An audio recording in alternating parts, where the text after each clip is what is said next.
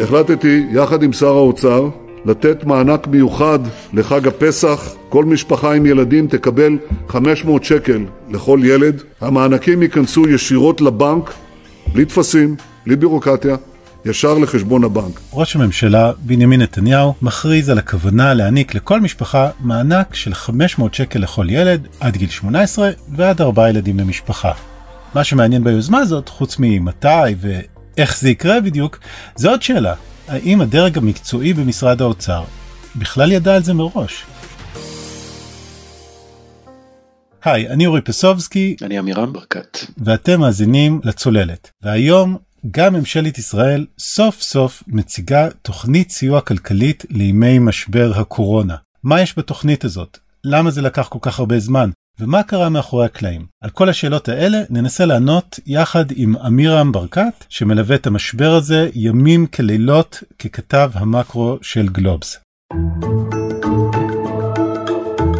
אז אמירם בוא נתחיל במסיבת העיתונאים של ראש הממשלה והכרזה על הקצבה לכל ילד עד ארבעה ילדים. מה מסמל הרגע הזה, ההכרזה הזאת על משהו לא שגרתי סך הכל? טוב, אז אם נתייחס לכל התהליך הזה של המשבר של הקורונה וההתמודדות של הממשלה איתו כאל סוג של הצגת תיאטרון, בעצם הגענו היום לאיזושהי נקודת שיא בהצגה הזאת, שאולי עוד תזמן לנו עוד נקודות שיא, אבל זאת בהחלט אחת כזאת.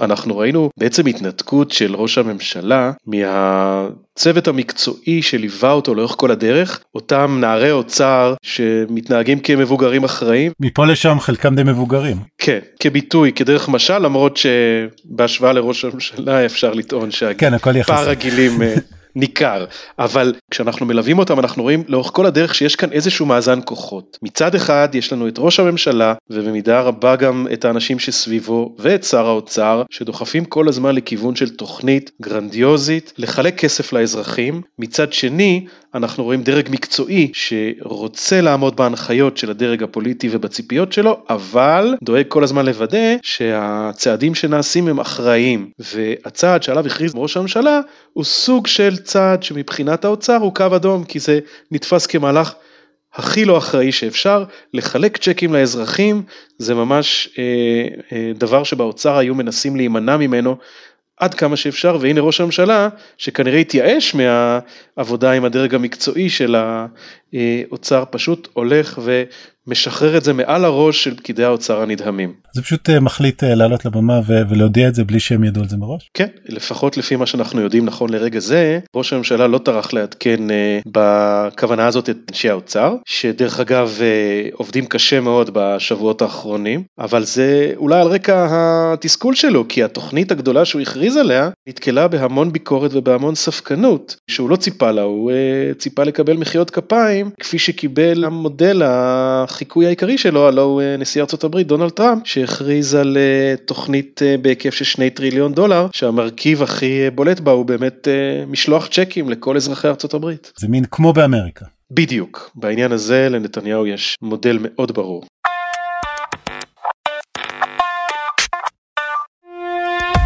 אוקיי, okay, אז לפני שנצלול אה, לתוכנית הגדולה, סך הכל הצ'קים זה משהו מאוד סימבולי, אבל התוכנית עצמה הרבה יותר משמעותית, תוכנית של 80 אה, מיליארד שקל. אולי נדבר קצת על מה הולך בעולם, על מה זה המשבר הזה בעצם. כן, האמת שבעניין הזה גם uh, מעניין לשמוע איך אתה רואה את זה, וגם איך אפשר להסביר לציבור איך uh, משבר uh, שהוא במהותו משבר רפואי הופך להיות משבר כלכלי בממדים כל כך ענקיים. אם אני uh, מבין, משווים אותו כבר לשפל הכלכלי הגדול של שנות ה-30 של המאה ה-20, אורי, זה עד כדי כך גרוע?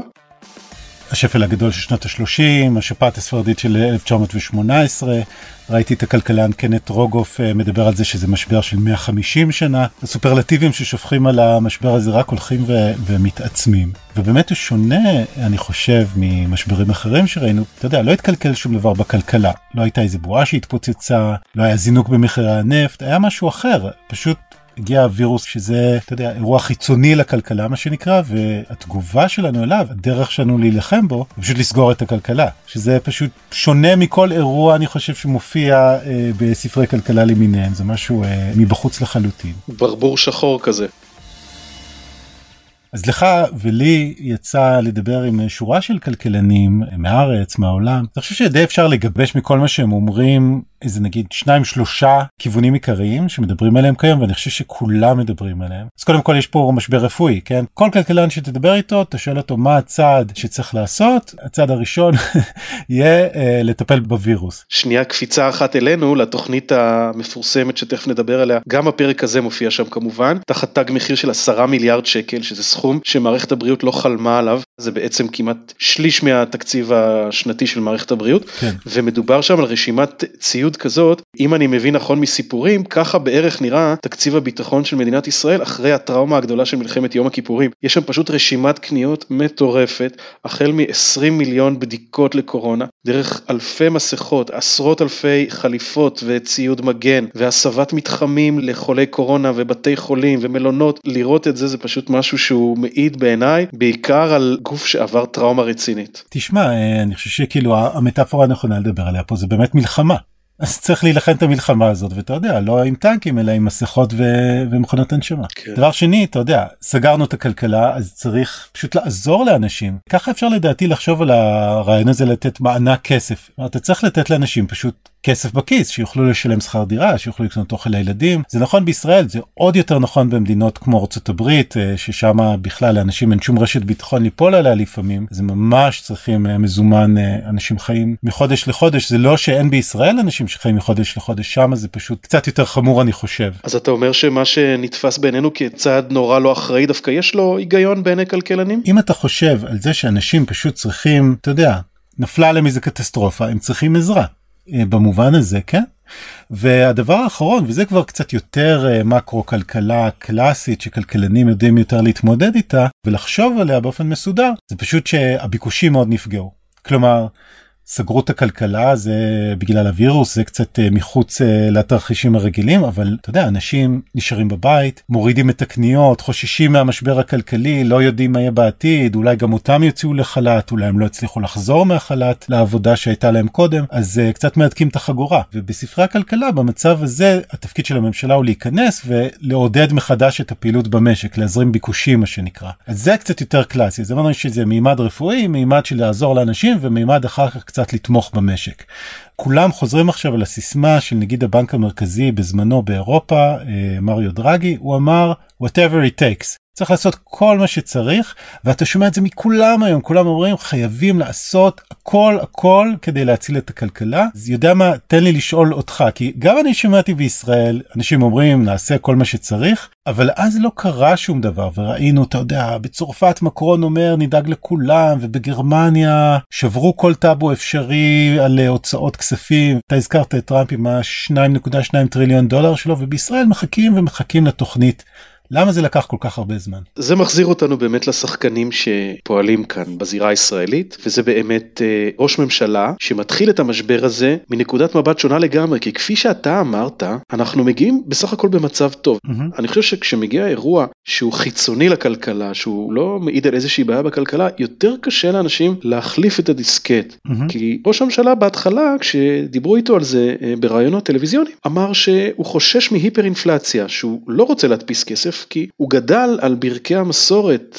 שהוא מכנה המילטון פרידמנית, שאומרת שהממשלה לא צריכה להיות אה, מעורבת אה, יותר מדי במה שקורה. Mm-hmm. ומצד שני, אותו כוח שמאזן אותו כל הזמן, שזה הדרג המקצועי, הדרג שמכין את התוכניות האופרטיביות של איך זה יתבצע, איך זה יתממש, במקרה שלנו הדרג הזה הוא בהובלת משרד האוצר, אגף התקציבים, mm-hmm. ואם יש משהו אחד שנחשב קדוש במשרד הזה, זה עקרון האחריות התקציבית, וזה משהו שהאנשים שהיום נמצאים באוצר, הם דור שלישי שגדל על ברכי המורשת הזאת שהתחילה בשנת 85 mm-hmm. והאתוס הזה באוצר אומר הדבר הכי גרוע שיכול לקרות לנו זה אינפלציה זה השתוללות זה גירעונות אנחנו חייבים לשים יד על הברז כל הזמן ולוודא שאנחנו שולטים על מה שקורה, שולטים על ההוצאה, mm-hmm. ולכן ה-DNA של האנשים האלה הוא להיות המבוגר האחראי, לוודא כל הזמן שהפוליטיקאים לא משתוללים, לא מבזבזים כסף סתם, לא עושים את כל הדברים שאתה עכשיו הזכרת אותם, שעושים במדינות אחרות.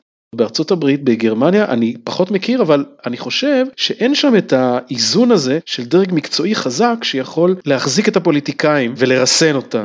ואולי בגלל זה אנחנו רואים אצלנו תהליך הרבה יותר מורכב, הרבה יותר מסובך. שמצד אחד בא ראש ממשלה ואומר, תנו לי 80 מיליארד, אומרים לו באוצר בסדר, ואז בונים לו תוכנית שמורכבת מהמון המון תוכניות קטנות, שכל אחת מהן יש בה אותיות קטנות שמסייגת את הסיוע שהם רוצים לתת, לפי כל מיני תנאים ודרישות, כדי שהוא יהיה סיוע ממוקד, זאת מילת המפתח. מה זה אומר בעצם? לתת לקבוצה מסוימת בתנאים מסוימים כסף שבגדול אנחנו נשלוט. Mm-hmm. אם ניקח כדוגמה את העצמאים, אנחנו לא ניתן סיוע סתם לכל העצמאים, אנחנו ניתן סיוע לכל העצמאים שמרוויחים סכום מסוים, הרי אנחנו לא רוצים לעזור לעצמאים שמרוויחים מעל 20 אלף שקלים בחודש, mm-hmm. אז אנחנו ניתן את הסיוע המרבי לאלה שמרוויחים בין 10,000 ל-16, אחר כך נוריד אותו, והכי חשוב, אנחנו נוודא בסוף כן. השנה שאותם עצמאים לא הרוויחו יותר מכפי שחשבנו, זאת אומרת, אם הם התאוששו מהמיתון והצליחו להתגבר עליו, אנחנו נדאג לקבל בחזרה את הכסף. לא הזכרת את העובדה שאתה יודע, שר האוצר כבר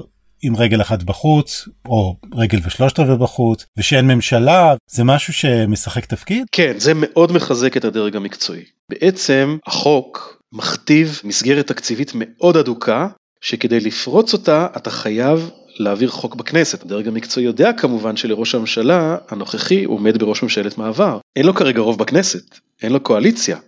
אז גם ראש ממשלה וגם שר אוצר שהוא בטח לא גורם משמעותי במשחק הזה, וראש ממשלה שאין לו כנסת. אז משרד האוצר מוצא את עצמו בנקודת חוזק מאוד גדולה מול הלחצים של הדרג הפוליטי, עד כדי כך שאני אפילו לא בטוח שההצהרה הזאת של ראש הממשלה, יש לה בכלל כיסוי, אני עוד לא רואה איך הוא עושה את זה, הוא בעצמו אמר, אני חייב חקיקת בזק. בשביל חקיקת בזק הוא חייב את אותם 61 אה, חברי כנסת שיעזרו לו להתגבר על סעיף הגנה מיוחד שנכנס לחוק יסוד משק המדינה, שקובע שכדי להגדיל את התקציב בשנה כזאת שאין בה תקציב, אתה חייב 61 חברי כנסת. עד שראש הממשלה לא יצליח לאסוף אותם, הוא יכול לחלק כמה כסף שהוא רוצה, זה לא יקרה.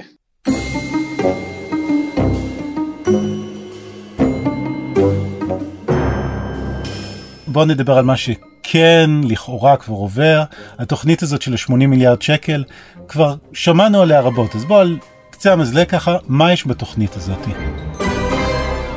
במשרד האוצר ישבו אה, כמעט שבוע שלם, אני מחזיר אותך אחורה אה, כמה ימים, ראש הממשלה מכריז שהוא הורה לאוצר להגיש לו תוכנית בתוך 48 שעות, וזה קורה אחרי שהוא שומע רואה טבלאות בין היתר אצלנו בגלובס שמציגות את מה שעושות מדינות אחרות לעומת מה שעושה מדינת ישראל שזה פחות או יותר כלום. אחרי שמשבר האשראי פרץ מדינת ישראל הכריזה שהיא תגדיל את מסגרת האשראי שהיא נותנת לקרן להלוואות לעסקים קטנים ובינוניים שזה אומר הבנקים יצטרכו לתת עוד כמה מיליארדים המדינה תיתן איזושהי ערבות אבל ערבות המדינה היא ביחס כזה שמבטיח שהמדינה לא תיתן בעצם יותר מ-200 או 300 מיליון שקל בזמן שהבנקים ייתנו 4 מיליארד. זה מה שהיה לפני שבוע ומשהו, יש משבר של 100 שנה ומשרד האוצר אה, נותן 300 מיליון שקל. כן, למה? כי באוצר אומרים זה משבר אה, זמני, אם יש קשיים כלשהם לעסקים, אלה קשיי נזילות, זאת אומרת עסק שהוא אה, מצד אחד נעצרו לו לחלוטין המכירות כי העסק סגור, המסעדה סגורה, אף אחד לא בא לאכול, מצד שני הוא צריך לשלם הוצאות, אז אנחנו ננסה ללכת לקראתו בהוצאות, נעודד אה, את השלטון המקומי לדחות תשלומי ארנונה למשל, אבל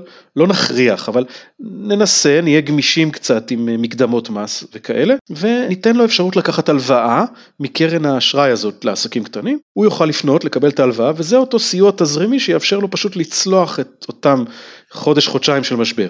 אוקיי. Okay. עכשיו קורא נתניהו שבכל העולם מחלקים אה, מאות מיליארדים ואצלנו כל ההיקף של הסיוע הזה הוא אה, בשברי אחוזי תוצר. זאת הדרך למדוד באמת את ההיקף של הסיוע כי אתה משווה אותו לגודל הכלכלה הרי שני טריליון דולר בארצות הברית זה בערך משהו כמו 150 מיליארד אה, שקל בישראל סדר גודל במונחי תוצר. אז ראש הממשלה מרגיש שהוא חייב לתת איזשהו מסר מרגיע לעם. mm-hmm. הוא רואה שבלשכות התעסוקה בביטוח הלאומי יש כבר גל של מאות אלפי דורשי קצבאות דמי אבטלה mm-hmm. וחייבים לציין בהקשר הזה שהאוצר גם נותן איזושהי רשת ביטחון זה גם לא טריוויאלי כי האוצר בשלב ראשוני אמר שכל מי שיוצא לחופשה ללא תשלום יהיה זכאי לתנאים של מובטל בעצם רואה ראש הממשלה שבאמת מתבשל פה הר של תסכול של אנשים שמאבדים את מקום עבודתם או בסכנה לאבד אותו, אז הוא מכריז שתוך 48 שעות הוא רוצה לראות תוכנית חילוץ אמיתית למשק. Mm-hmm. זה לוקח קצת יותר מ-48 שעות, אבל בסוף השבוע האוצר מגיע אליו עם איזושהי תוכנית בהיקף של 40 מיליארד שקלים. ראש הממשלה שומע את הסכום, פותח זוג עיניים גדולות ואומר אני רוצה 100 מיליארד שקלים.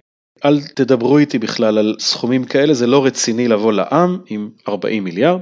כן. מתווכחים, מתווכחים, מתווכחים, בסוף מחליטים על 80 מיליארד. לא מדברים על התוכן, מדברים פשוט על, על גובה הסכום. על השורה התחתונה, כן. אז מה יש ב-80 מיליארד האלה? אז 80 מיליארד השקלים האלה בעצם אפשר לחלק אותם באופן הבא. קודם כל, מתוכם 40 מיליארד זה כסף שהאוצר מתכוון אה, להוציא מקופתו, או הכנסות ממיסים שהאוצר בעצם מוותר עליהן באמצעות כל מיני פטורים ממס. 40 מיליארד שקל נוספים, אלה מקורות נוספים שהאוצר מעמיד, לא מתוך קופת המדינה, אלא בעיקר מתוך המערכת אה, הבנקאית והגופים המוסדיים, כל מיני הלוואות וקרנות אשראי למיניהן.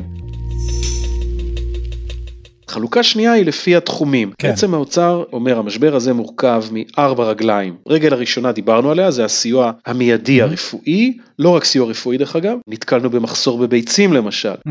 מישהו צריך לייבא עכשיו ביצים מחו"ל, מישהו צריך לשלם על זה, זה גם כסף שהמדינה נותנת. יש איזשהו מחסור בחקלאות, המדינה מגדילה את מכסות המים לחקלאים, כל מיני צעדים מיידיים כאלה שנועדו להתמודד אה, עם המשבר. כן. שלוש הרגליים האחרות הן יותר מכוונות למשק, כשהראשונה בעצם היא אה, רשת הביטחון הסוציאלי. כל אותם תשלומים לאנשים שאיבדו את מקום עבודתם או הוצאו לחל"ת, האוצר מעריך שהסכומים שהוא יידרש לשלם עשויים להגיע ל-14 מיליארד שקלים, באמת סכום עתק בדמי אבטלה. אוקיי. Okay. במאמר מוסגר אני חייב לציין שגם דמי האבטלה בישראל הם נחשבים מאוד נמוכים בהשוואה בינלאומית, אפילו נגידת בנק ישראל הקודמת כינתה אותם קמצניים, כי uh-huh. uh, אתה תקבל 70% מהשכר במקרה הטוב, אנחנו רואים שאנשים שיצאו לחל"ת מקבלים 30%, 40% מהשכר כן. שהם התרגלו לו ויש תקרה. זאת אומרת, אתה לא תקבל יותר מ-10,000 שקלים גם אם הרווחת 100,000. Mm-hmm. אז זה רלוונטי אה, כמובן יותר לבעלי שכר של 20 ו-30. רגל שנייה שאנחנו מדברים עליה היא הרגל של ההמשך של הפעילות העסקית. מה שהתחיל כאותה קרן אה, אשראי הולך ומתרחב. בעצם האוצר מבין שהאשראי הוא לא ממש עוזר לעסקים שהם סגורים, כי אתה לא תשקיע שום דבר כשהעסק סגור, כשאתה לא יכול לעבוד. לכן הוא מנסה להרחיב קצת את החבילה באמצעות זה שהוא מודיע שבאופן גורף שעסקים יהיו פטורים מתשלום ארנונה למשך שלושה חודשים. מי שישלם את הארנונה היא המדינה. המדינה וגם השלטון המקומי שיספוג חלק קטן מזה. דבר שני, מהלך מעניין שהאוצר בעצם מציג זה מקדמות מס הכנסה או מס חברות שאותם עסקים שילמו לפני שפרץ המשבר. הם יוכלו לקבל אותם בחזרה באופן מיידי, יש שם גם סכום של כחמישה מיליארד שקלים, ואותם קרנות, קרנות אשראי, יהיו קרן אשראי לעסקים קטנים, קרן אשראי לעסקים גדולים, קרן מנוף, כל מיני קרנות, שם האוצר אה, מאוד נדיב כשמדובר באשראי שצריך להגיע מהמערכת הבנקאית, הוא מקים כל מיני קרנות כאלה, זה גם עוזר לו לנפח את הסכומים, כל קרן... כסף הוא... של אנשים אחרים, כן. כן. Uh, כמובן שתהיה איזושהי השתתפות של המדינה אבל יחסית שם יש לו מרחב תמרון הרבה יותר גדול וזה גם עוזר לו להתקרב לסכומים שראש הממשלה מדבר עליהם אתה ממש רואה את mm. המאמץ הזה להגיע לשם. הרגל השלישית היא היום שאחרי מה שנקרא. Okay. אוקיי. אה, אנחנו מדברים על איך אנחנו אה, עושים ריסטארט למשק בבוקר שאחרי המגפה. עכשיו כשאנחנו מדברים בהתחלה עוד הייתה פה תחושה שיום אחד המגפה הזאת תעבור והמשק יצטרך להתניע מחדש. היום אנחנו יודעים שזה לא יהיה ככה. אנחנו יודעים שהחזרה תהיה מאוד הדרגתית ויפתחו כל פעם עוד מגזר או עוד קבוצה מסוימת mm-hmm. שתורשה לחזור לעסקים כי החשש כל הזמן יהיה מגל שני וגל שלישי של מגיפות ולכן התוכנית הריסטארט הזאת ההאצה מה שהם קוראים היא יחסית מאוד מוגבלת ואתה רואה ששם הם באמת לא הקדישו שום מחשבה כמעט מעבר לאובייס שזה השקעה בתשתיות וקצת עזרה הכשרות מקצועיות קצת עזרה להייטק תוכניות שכבר היו קיימות. זהו תגיד אני נדמה לי או שאני ראיתי שם חשמול מסילת הרכבת כאילו אני נדמה לי שראיתי פרויקטים שכבר ממש הכרנו. אלה דברים שקורים ממש עכשיו זה אפילו לא מחכה לתוכנית ההאצה וזה לזכות האוצר, אני עוד לא ראיתי שיש להם את הכסף לעשות את זה, אבל הם הבינו, מכיוון שהתנועה מאוד מאוד דלילה, אז הם יכולים לעשות הרבה עבודות אה, אה, שמפריעות בדרך כלל לתנועה, אז אפשר לעשות אותם עכשיו, אבל בגדול, כשאני מסתכל על כל התוכנית הזאת, אני יכול לומר שאתה לא מזהה שם איזשהו מעוף, איזושהי חשיבה מחוץ לקופסה, איזשהו אמצעי לא קונבנציונלי, משהו שלא ניסינו עד היום. אני לא אומר אולי אין, אבל כל הדברים שאנחנו רואים שם בתוכנית הזאת, הם תוכניות קיימות שאתה מתרשם שבאוצר עשו מאמץ קדחתני לאסוף הכל, לדחוס הכל, כולל דברים שהם, אתה יודע, לחלוטין לא שייכים, אני אספתי שם קובץ של סיסמאות שבאמת לא עומד מאחוריהם כלום, ובסוף גם כותבים בסוף הרשימה עוד הרבה תוכניות. אתה מרגיש שהפקידים ממש היו בלחץ. יאללה, לסגור את הרשימה מהר מהר מהר, להגיש משהו לראש הממשלה, כי חייבים איכשהו לגמור עם הסיוט הזה שמלווה אותנו כבר שבוע.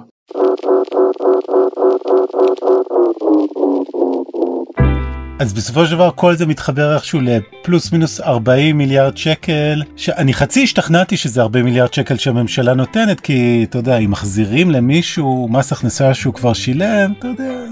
כן, אבל תזכור שזה מי שמבחינת הגירעון, אותו שד נוראי שהפחיד אותנו עד לא מזמן, כן, זה כן. לא ממש משנה, הרי זה נכנס, כל שקל שהמדינה לא מקבלת נכנס לגירעון בדיוק כמו כל שקל שבו המדינה חורגת. 40 מיליארד שקל הממשלה או מוותרת או נותנת זה כסף שיגיע לידי העסקים. אבל מה לגבי ההלוואות? אני חושב שקצת נגעת בזה. מי ייקח עכשיו הלוואה? אז בעצם כאן נקודה שמעידה באמת על קיבעון מסוים. ואנחנו רואים שנפתח ערוץ נוסף והוא מגיע מכיוון המגזר העסקי. עכשיו המגזר העסקי בעיני האוצר זה גוף אינטרסנטי שכל מטרתו להוציא מאיתנו כסף. ונציגי המגזר העסקי למרות שהם באמת גוף אה, שיש לו אינטרסים מספקים כל מיני תובנות שפקידי האוצר אה, אתה יודע בשנים שהם בילו במשרד האוצר לא נתקלו בהם בהכרח. בא אה, נציג אה, אחד, אה, נשיא התאחדות השיאנים ואומר דבר פשוט, אתם לא נתתם לי שום תאריך שבו אני חוזר לפעילות וכל עוד אני כבעל עסק לא יודע מתי העסק שלי ייפתח מחדש, אני לא יכול לקחת הלוואה. מה עוזרות לי כל ההלוואות הנהדרות שאתם מציעים לי בריבית מופחתת בערבות מדינה? זה נהדר, אבל אם העסק שלי לא ייפתח בשנה הקרובה, אז רק העמסתם עליי עוד חובות, לא פתרתם לי שום מצוקה.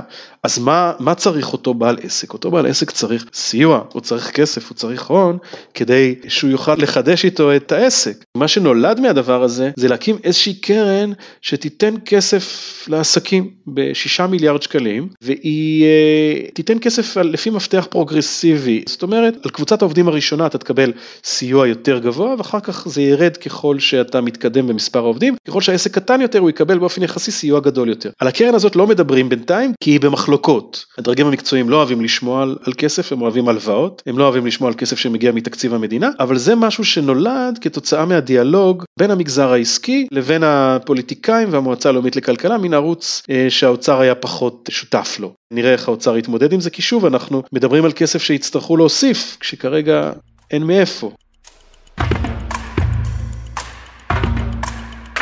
אמנם כאילו כבר יש תוכנית הרבה יותר קונקרטית אבל גם הקטע הזה שיש איזה הבטחה ולא יודעים בדיוק איך זה יתממש קצת מזכיר את אחד הדברים היותר מדוברים סביב התוכנית הכלכלית הזאת ומשהו שכבר אפשר להתקל בהמון תסכול לגביו וזה הפיצוי לעצמאים. שכאילו מובטח להם איזשהו סכום כסף שהוא כשלעצמו לא כל כך גבוה אבל אין להם מושג איך לקבל אותו ומאוד מתקשים להבין מתי זה יקרה ו- ויש איזו הבטחה שרק מובילה לתסכול ככה זה נראה בינתיים אולי אני לא מעודכן והכל נפתר אבל זו התחושה שלי. נכון, ככה נראית תוכנית סיוע שרשות המיסים בונה. מה הכוונה? אם ננסה לפרק לרגע את הסיוע לעצמאים. הוחלט לתת סיוע, אמר שר האוצר, 6,000 שקלים לכל עצמאי, זה דבר שהוא כשלעצמו תקדים, כי עד היום העצמאים היו שקופים. הביטוח הלאומי נותן דמי אבטלה ודמי מחלה וזכויות סוציאליות לשכירים, לא לעצמאים. ולכן כשיש משבר כזה הם אפילו לא נספרים. לביטוח הלאומי אין מושג כמה עצמאים מובטלים יש מכיוון שעצמאים לא, לא זכאים לדמי אבטלה. ולכן אחת הסיבות דרך אגב שיש בישראל יחסית מעט עצמאים למרות שזה סקטור שיש שיאמרו תרומתו לכלכלה הגדולה לא פחות מתרומתם של השכירים מאוד לא קל להיות עצמאי זה סיכון אדיר וזה בא לידי ביטוי כן. בדיוק בתקופות משבר כאלה אז באים עם ההצעה התקדימית לתת 6,000 שקלים סיוע לעצמאים ביד אחת נותנים ביד שנייה לוקחים איך לוקחים בעצם מגדירים מראש מי מבין העצמאים יהיו זכאים אה, לסיוע שאנחנו מבטיחים. כבר אומרים, אנחנו הרי לא נסייע לעצמאים שמרוויחים הרבה כסף. אנחנו מניחים שעצמאים שמרוויחים מעל 20 אלף שקלים בחודש, יודעים לדאוג לעצמם ויסתדרו בלי העזרה של המדינה. אז ניתן רק למי שמרוויח עד 20 אלף שקלים לחודש, כאשר מי שמרוויח בין 16 ל-20 אלף, אה, שם הסיוע יורד בהדרגה. זאת אומרת, אותם 6,000 שקלים הם רלוונטיים רק למי שמרוויח בין 10,000 ל-16,000 שקלים. מי שמרוויח פחות, כל עצמאי מקבל רק 60% מהמשכורת שלו, או מההכנסה החודשית שלו, ולכן עד 10,000 שקלים אתה תקבל בהגדרה פחות מ-6,000 שקלים. כדי להגיע ל-6,000 שקלים אתה צריך להגיע ל-10,000 שקלים. מעבר ל-10,000 אתה לא תקבל יותר כי התקרה היא 6,000. ההכנסה החייבת מחושבת בסוף השנה ואם מתברר שבסופו של דבר הם הרוויחו מעבר לסכום הזה הם גם יצטרכו להחזיר את המענק. עזוב אותך מסוף השנה עכשיו הם מקבלים אותו? הם יכולים לקבל אותו? בהנחה שאתר רשות המיסים חוזר לתפקד אז הם יכולים לפנות. זה כנראה לא יקרה לפני פסח ואני מזכיר לך שאנחנו מדברים בסך הכל על סכום של 6,000 שקלים. מה זה עוזר למי שיש לו עסק משלו אני באמת לא יודע. יש גם קטגוריה שלמה שברשות המיסים לא היו כל כך מודעים לה ואלה אנשים שיש להם חברות הם בעלי שליטה אבל הם בעצם העובד היחיד של החברה שלהם. למשל, החלטת כפסיכולוג אה, לעבוד באופן פרטי, פתחת חברה ואתה מעסיק את עצמך. אותו בן אדם נופל בין הכיסאות, הוא לא שכיר כי יש לו חברה, אבל מצד שני הוא בעל שליטה בחברה ולכן הוא גם לא מקבל חלק גדול מהסיוע שניתן לעסקים, הוא עובד מהבית, אז ארנונה עסקית לא ממש עוזרת לו. בעצם יש לנו הרבה קבוצות שנופלות פה בין הכיסאות, פשוט כי לא חשבו על זה. וזה מראה לך כמה אתה בעצם מסתבך כשאתה מנסה לתת את אותו סיוע אה, שמגיע לכולם גם אם יקבלו אותו כמה אנשים שאתה יודע לא צריכים אותו לפחות אתה מייצר איזשהו מנגנון פשוט ואפקטיבי שמגיע לציבור. הזכרת את הרגליים השונות ודיברנו על כאילו ההרכב מבחינת הלוואות וכסף ממש, התוכנית הזאת מורכבת. מה בעיניך השורה התחתונה של התוכנית הזאת? תראה, התוכנית, תלוי איך אתה בוחן אותה. בפרמטרים כלכליים זו תוכנית שהולכת כמה שאפשר מבלי לוותר על השיקול הזה של יעילות כלכלית, אבל בפועל הבירוקרטיה תביא לכך שהכסף לא יגיע לאותם אנשים שזקוקים לו. אם אתה בוחן אותה בפרמטר פסיכולוגי, היא בוודאי לא משיגה את המטרה ש...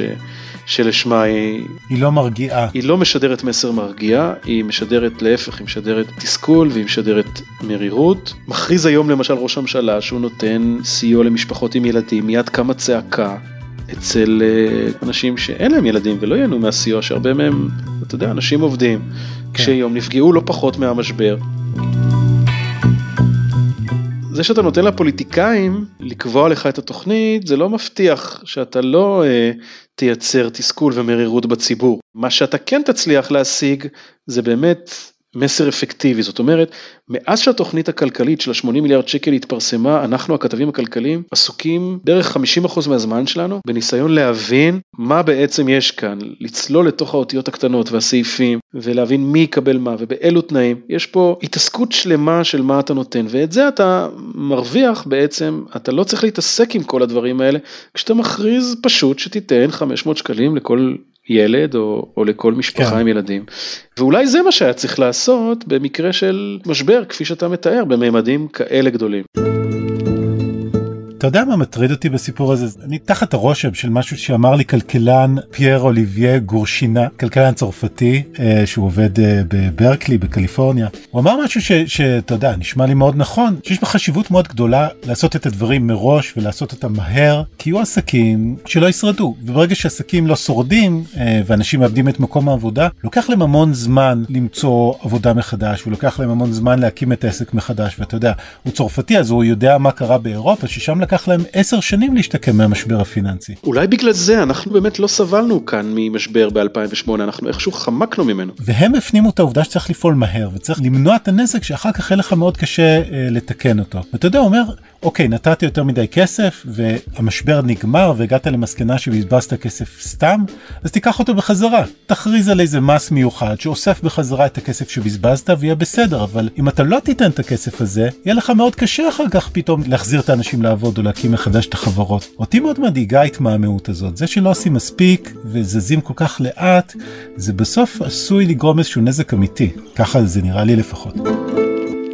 אז פה אנחנו נוגעים בבעיית היסוד אני חושב ואי אמון. יש לנו בכל האירוע הזה, יש לנו בדיוק שחקן מה, מהסוג שאתה מדבר עליו, כלכלן מבריק שהגיע לפה לא מהחלל החיצון, מארצות הברית, ישראלי משלנו, נגיד בנק ישראל, והוא אומר משהו מאוד דומה למה שאומר הכלכלן הצרפתי שאת שמו קצת קשה לבטא, אבל אמיר ירון מהרגע הראשון אמר תשפכו כסף, ואנחנו מדברים על נגיד שעד פרוץ המשבר הפציר בממשלה לקצץ בהוצאות ואמר אפילו את המילים שנתניהו כל כך שונא לשמוע, תעלו מיסים. אז ברגע שפרץ המשבר הוא היה הראשון שהבין שאנחנו עומדים בפני אירוע מסוג אחר, והוא אמר תוציאו כסף. אני בטוח שבאוצר שפשפו עיניים בתדהמה. מה בעצם הבעיה הבסיסית? זה לא שהוא מכיר כלכלה שונה מהכלכלה שמכירים באוצר למרות שאפשר להתווכח גם על זה. הבעיה הבסיסית היא שבאוצר לא מאמינים לפוליטיקאים. כפי שאמר אותו כלכלן, ההנחה הזאת שברגע שהמצב ישתפר אה, נוכל להעלות מיסים זה משהו ש... אתה תגיד את זה באוצר, יצחקו, הם יגידו אין דבר כזה פוליטיקאים שמעלים מיסים, להפך, בבסיס באוצר רואים את עצמם כזה שצריך להיות שם כי אחרת הפוליטיקאים ישתלטו על הקופה הציבורית יחלקו כסף ממש כמו אופיום להמונים. ולכן כשבאוצר רואים היום את פתיחת הגירעונות הם כבר תופסים את הראש ואומרים איך אנחנו נצא מזה ביום שאחרי? הרי כשאנחנו נבוא ונגיד לאותו שר אוצר אחרי המשבר אוקיי חביבי אנחנו חייבים עכשיו לצמצם את הגירעון? הוא יגיד על מה אתם מדברים? אנחנו פה עם גירעון אדיר והכל בסדר. אתם אלה שהגדלתם את הגירעון. למה שאני אקטין אותו? הרי הפוליטיקאי הישראלי לתפיסת האוצר הוא איזה יצור שפשוט לא מוכן לנקוט במינימום של אחריות וממלכתיות ולעולם לעולם לעולם לא יסכים להטיל גזרות על הציבור. זאת הקונספציה הבסיסית באוצר ולכן האוצר כל כך מתנגד כל כך באינסטינקט מתקפד וקפוץ ידיים כשמדובר בהגדלה והרחבה תקציבית כי הוא חושב כבר על המחיר שהוא ישלם ביום שאחרי. כן, רק ששוכחים את המחיר שעשויים לשלם היא לא לעשות מספיק. מה שנקרא הניתוח הצליח אבל החולה מת.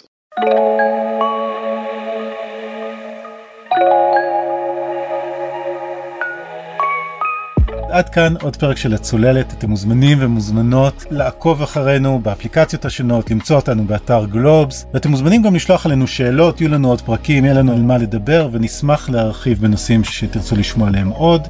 תודה רבה אה, לרון טוביה, עורך הפודקאסטים ולכל מערכת הצוללת, אני הייתי אורי פסובסקי. אני עמירם ברקת. להתראות.